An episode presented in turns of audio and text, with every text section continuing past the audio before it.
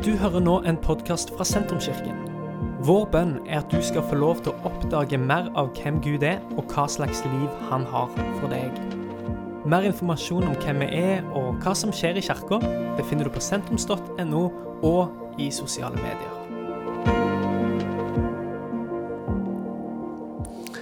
Eh, Denne talen her er inspirert av et vitnesbyrd som jeg hadde på Betel Hummersåk eh, 16. mai. Og Jeg kommer til å lese for at jeg, eh, det er lettere for meg å konsentrere meg og, og få sagt det som jeg egentlig har lyst til å si. Eh, Der ute hadde de en serie som heter 'Dette vil jeg gi videre', eller 'Dette vil jeg dele med deg'. Eh, I Matteus 10,8 sier Jesus til disiplene For intet har dere fått det, og for intet skal dere gi det. I en nyere utgave så står det Gi som gave det dere tok imot som gave. Spørsmålet mitt er hva er det jeg har fått, og hva er det jeg har gitt, og fortsatt ønsker å gi videre? Det skal jeg komme tilbake til litt senere, for først skal jeg fortelle litt om meg sjøl, om eh, veien til Jesus og den første tida sammen med han. Jeg vokste opp i en heim der troa på Jesus var en naturlig del av min hverdag. Jeg gikk på søndagsskole, og jeg var som unge òg med mor av og til på bedehuset, der hun spilte til sangene. Nå snakker vi om 1950-tallet. Da jeg var 15 år i 1965, på konfirmasjonsdagen, lå jeg på kne ved alterringen, og presten la hånda på hodet mitt og velsigna meg. og Da tenkte han Åsulf, jeg vil tro på Jesus. Det var en oppriktig bestemmelse, men trua var veldig uferdig og umoden, og jeg visste lite om hva det egentlig innebar å tro på Han. I løpet av de to-tre første år etterpå ble trua enda mer moden, noe som resulterte i at jeg tok nattvær på en vanlig gudstjeneste i timekirka. eh, Og det var en ganske stor milepæl for meg. Senere fikk jeg erfare Den hellige ånds dåp, og jeg lot meg døype da jeg var ca. 20 år gammel. Et kjempestort steg. Jeg brukte veldig mye tid med indre diskusjoner, lesing av bibelvers og tema som hadde med dåp å gjøre. Jeg husker ennå, rett før jeg ble døpt, og jeg så utover vannflata med en nydelig natur rundt forbi, så tenkte jeg på dette bibelverset som står i Kolossene 3,23, og som hadde blitt så viktig for meg. Det du gjør, gjør det av hjertet som for Herren, og ikke for mennesker. Det er noe jeg ønsker å leve etter resten av livet mitt. Når jeg ser tilbake disse første åra, er det mange ulike personer som har betydd noe for meg langs veien sammen med Jesus. De har sett meg, de har brydd seg, og de har investert i livet mitt. Her er noen eksempel. Mormor. Med sin stille ferd, forbønnene hennes og daglig bruk av bibel og sangbok. Mor. Med sin raushet og varme og ei tru som jevnlig kom til uttrykk gjennom sangen hennes og spillet Hun spilte mye på piano og trekkspill. Hun leser bibelfortellinger og lærte meg å be. Ei eldre søster, forbønnene hennes, veiledningen og det at du bl.a. ga meg en bibelleseplan, og som etter hvert tok meg med på forskjellige møter. Søskenbarn. Venner på gymnaset, eller videregående, som det heter nå. Og venner på Norges veterinærhøgskole i Oslo.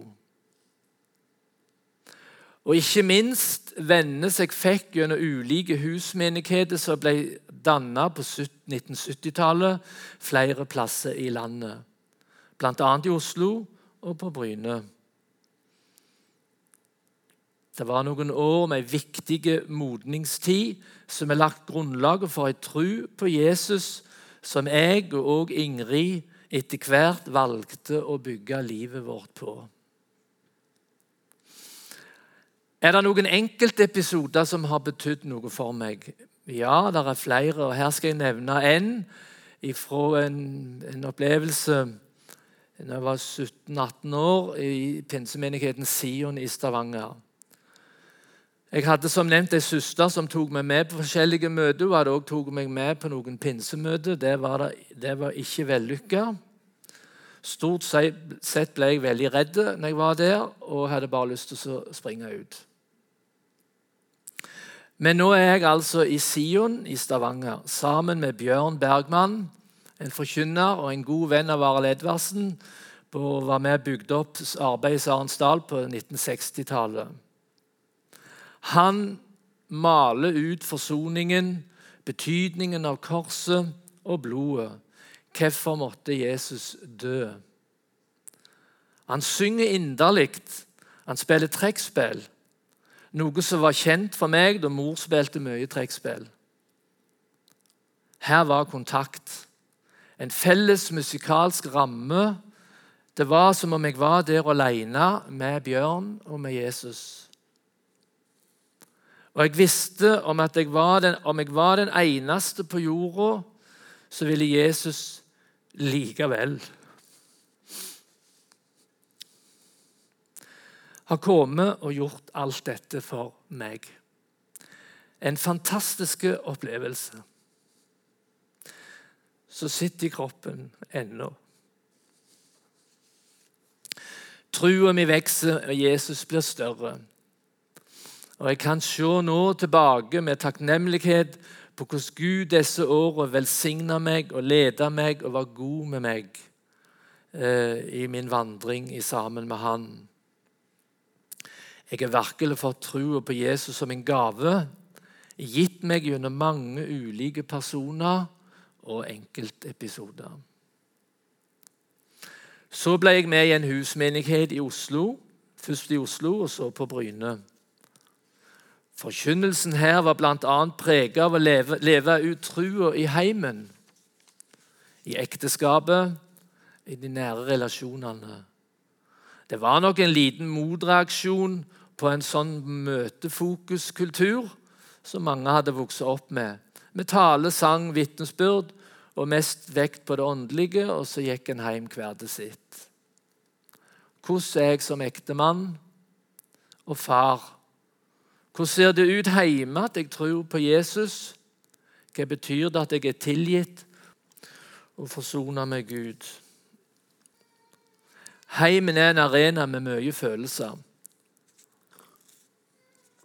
Mange og ofte sterke meninger, og der personlige svakheter lett dukker opp. Dette kjenner vi alle til. Med småbarn, travel hverdag og mange behov som en ikke har kontroll på. Det var lettere som student å søke ledelse og være opptatt av å komme med et vitnesbyrd på et møte, vitne for en på gata eller på trikken. Men nå med unger overalt, regninger som skal betales, og kunder som venter på at den unge, kanskje litt uerfarne dyrlegen ikke bare må komme med en gang, men med den rette behandlingen. Er han like god som gamle dyrlegen, tru? Livet får mange nye krav og forventninger. Hvordan ser det ut at jeg tror på Jesus? Det har vært en oppriktig lengsel og bønn i alle år at nettopp troa på Jesus god på en eller annen måte blir synliggjort i hverdagen min, hjemme, på jobben og med familien. Spørsmålet er er det lykkes, prosjektet, dette prosjektet med Gud. Sannsynligvis både ja og nei. Men Gud alene vet, og der slapper jeg godt av.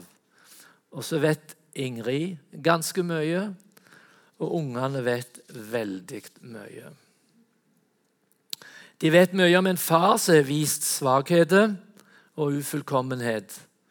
Men så vet de kanskje òg noe om Guds nåde, en far som har bedt om tilgivelse og tok ungene på alvor som om de var søsken i Herren, akkurat som de voksne. Engasjementet vårt i heimen og livet rundt ungene var stort. Vi var klassekontakter, jeg var fotballtrener i mange år. Vi hadde hest og alt som følger med den, med riing og turer. Og vi var veldig mye fri, i friluftsliv. Ting utvikla seg videre til ikke bare å gjelde egne unger. Vi inviterte andre med, og familier ble invitert med hjem til et måltid, og så gjorde vi ting sammen. Ingrid starta barneklubb, så sammen med andre etter hvert ble det søndagsskolearbeid. Etter noen år starta jeg ungdomsarbeid. Jeg begynte med noen ganske få, for jeg ønsket å gi rom for vennskapet og for å forkynne litt av Guds ord. Det ble, hvert, det ble flere etter hvert som ungene ble eldre, og òg noen nye som kom til. Jeg kjørte og henta mange sjøl, for vi hadde minibuss hver fredag i mange, mange år. Det var ei kjempefin tid og minnerike opplevelser. Særlig når ungdommene sjøl begynte å ta litt ansvar. Og Stort var det å se når de etter hvert tok over hovedansvaret med Per Eivind i spissen. Da eksploderte arbeidet, og mange kom på møtene. Og òg mange som nå tok viktige valg i det å tro på Jesus, akkurat slik jeg sjøl hadde gjort som tenåring. Vi hadde òg ansvaret for sang- og musikklivet i en menighet som vokste. Jeg tror det er riktig å si og noen av dere sitter her så dere kan gjøre sånn eller sånn, at det var mye glede og feststemning som preget atmosfæren på gudstjenestene. Og så var vi en del av lederskapet. Det var både kjekt, men det var òg vanskelig. Det var mye teorier, mye følelser og mange meninger. Ikke enkelt. Men gjennom alt for oss var det viktig uansett å få gitt dette vi hadde fått, videre. For intet har dere fått det, og for intet skal dere gi det videre. Det var intense og aktive år som vi ser tilbake på med mest takknemlighet. Selv om det var noen ting sett i ettertid vi skulle ha styrt unna. Men slik er jo livet. Jeg pleier å si at vi fikk være med på en festreise som varte i 15-20 år. Tusen takk. Men nå tilbake til spørsmålet. Hva var det vi fikk som gave? Og hva er det vi har prøvd å gi videre, og fortsatt ønsker å gi videre? For bak all vår aktivitet og vårt engasjement har det leie noen grunnverdier som vi fikk med oss, og som former oss de første årene i husfellesskapsbevegelsen. Her er fire slike områder. Dette er ingen leksjon i teologi. Det deles fra hjertet, og jeg er litt personlig. Punkt 1. Vennskap. Med Gud og med våre medmennesker. Mor og far hadde mange venner fra ulike sammenhenger. Noen gikk på bedehuset og i kirka, andre gjorde ikke det. Noen var rike, noen var fattige, noen var avholdsfolk, og noen var alkoholikere. Alle ble inkludert, respektert og tok imot. Det var ingen pekefinger og ingen fordømmelse og baksnakking rundt spisebordet hjemme hos oss. Dette prega selvsagt meg. Å tro på Jesus innebar bl.a. det mor og far viste, å møte folk slik de var, og der de var. Nå ble det òg forkynt på møtene i husfellesskapet. Mye om vennskap med Gud og med hverandre. At Jesus er en venn, og at vi er knytta sammen som venner. Jesus sier direkte 'Dere er mine venner' når han er jo sjøl kalt for synder og tolleres venn. Dette fangte min oppmerksomhet. Korset ble det forkynt om som symboliserte to ting. Den ene stokken som går opp, eh, en uttrykk, et symbol på forsoningen mellom meg og Gud.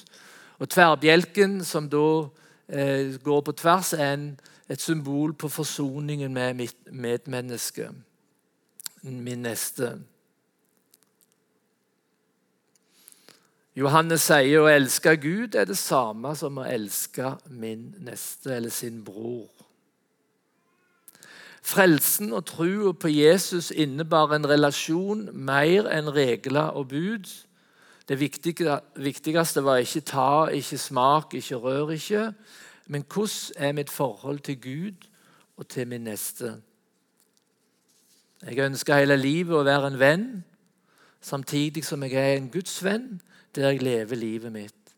Ikke en ekskluderende og innadvendt sånn klikkevenn med behov for å eie andre, men en venn som er åpen uten krav og forventninger om å få noe tilbake. Ikke alltid like lett, men det er leie i bånd. Selvsagt har vi ikke et, et, like nært og personlig vennskap til alle rundt oss. Det er jo ikke et mål. Det er jo umulig og ikke et mål i seg sjøl. Men her snakker vi om en grunnleggende holdning til alle våre medmennesker. Åsulf, Jesus ga vennskapet sitt til deg. Gi det videre til de folk du møter i livet. Sangen, det var punkt nummer to. Sangen.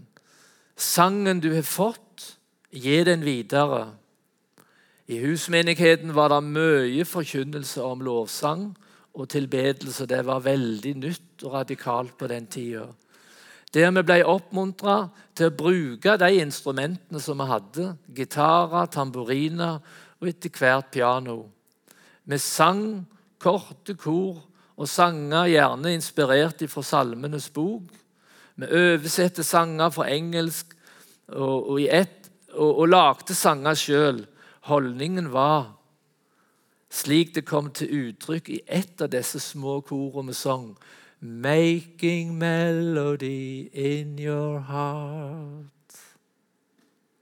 Kvaliteten var ikke alltid så mye rosa å snakke om, men at det kom ifra hjertet, og at Jesus og Gud var i sentrum, det var det ingen tvil om.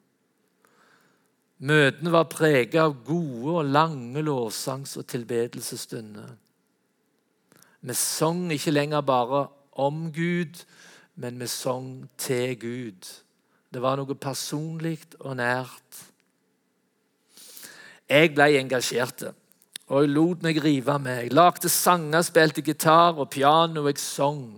Sang mye alene og sammen med andre. Jeg ble etter hvert oppmuntret til å lede og ta litt ansvar.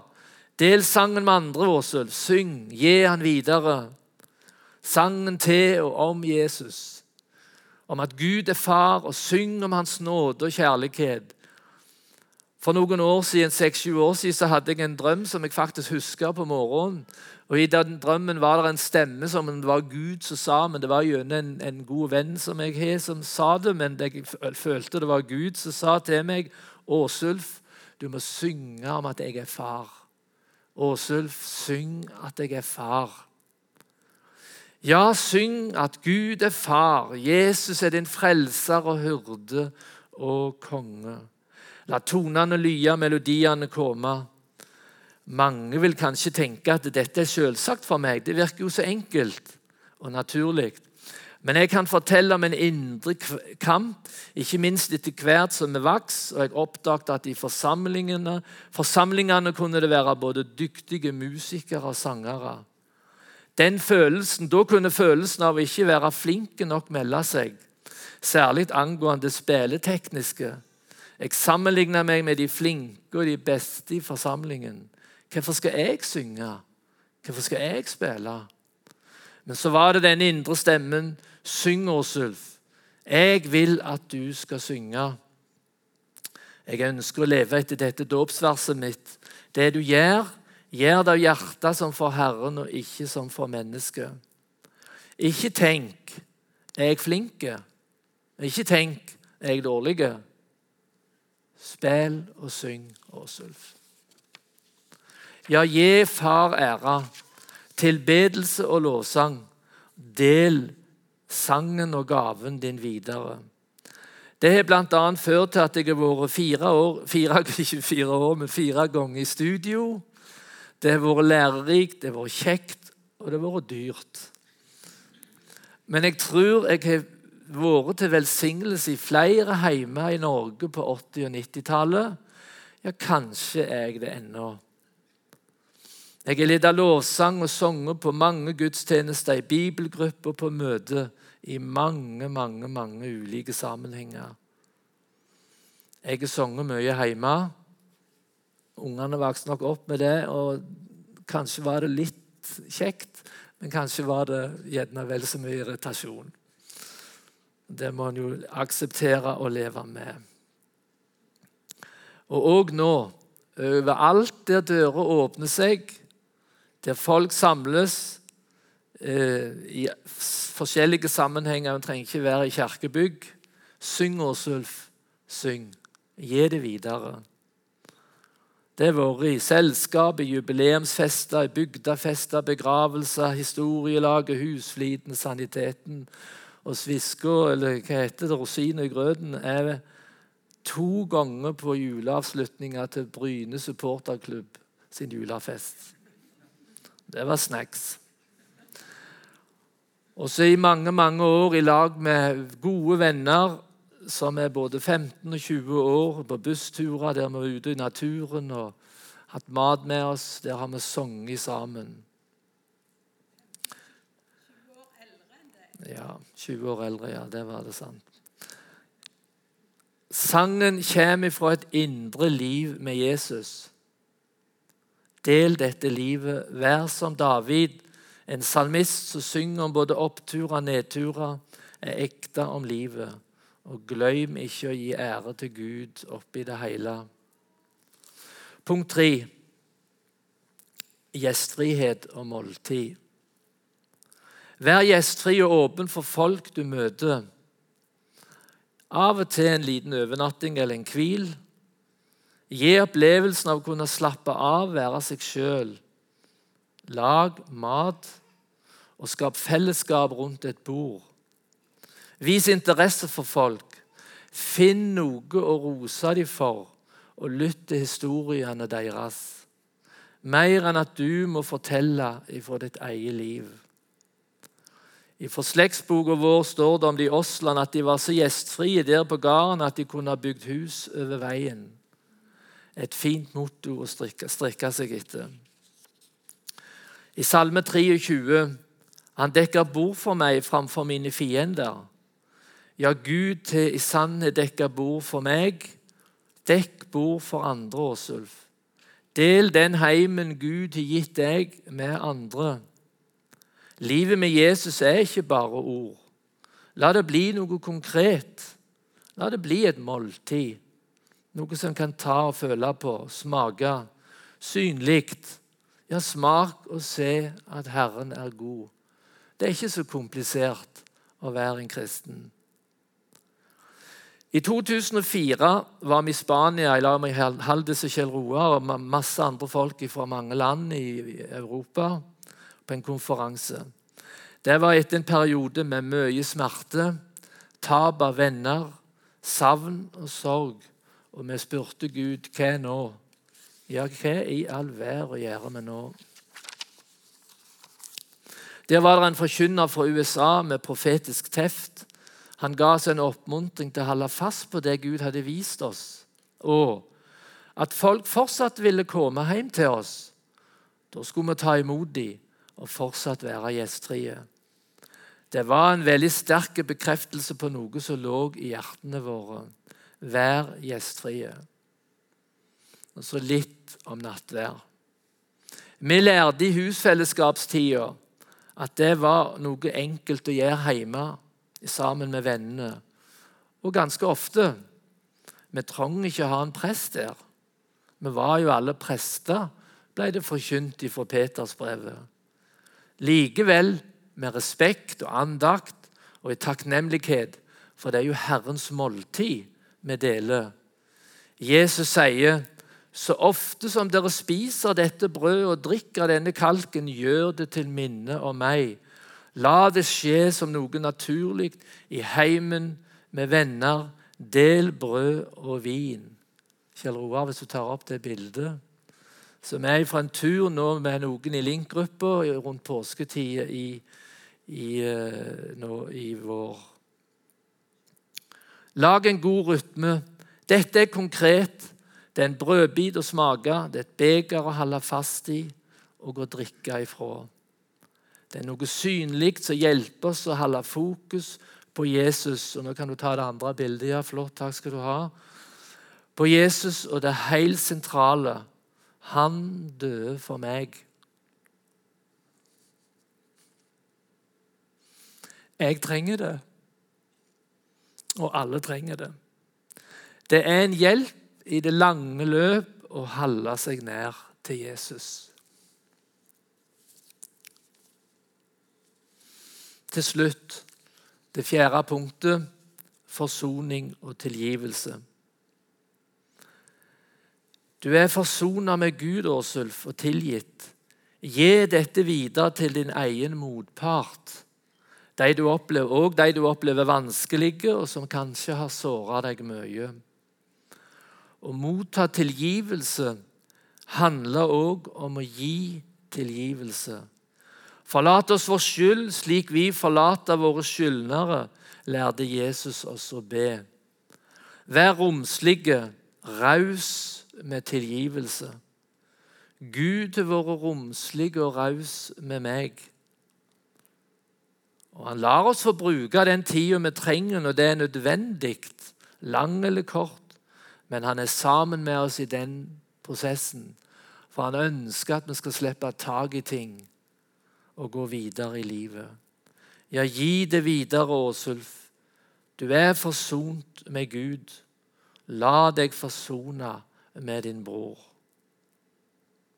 La alle mennesker merke at dere er vennlige. Herren er nær. Amen.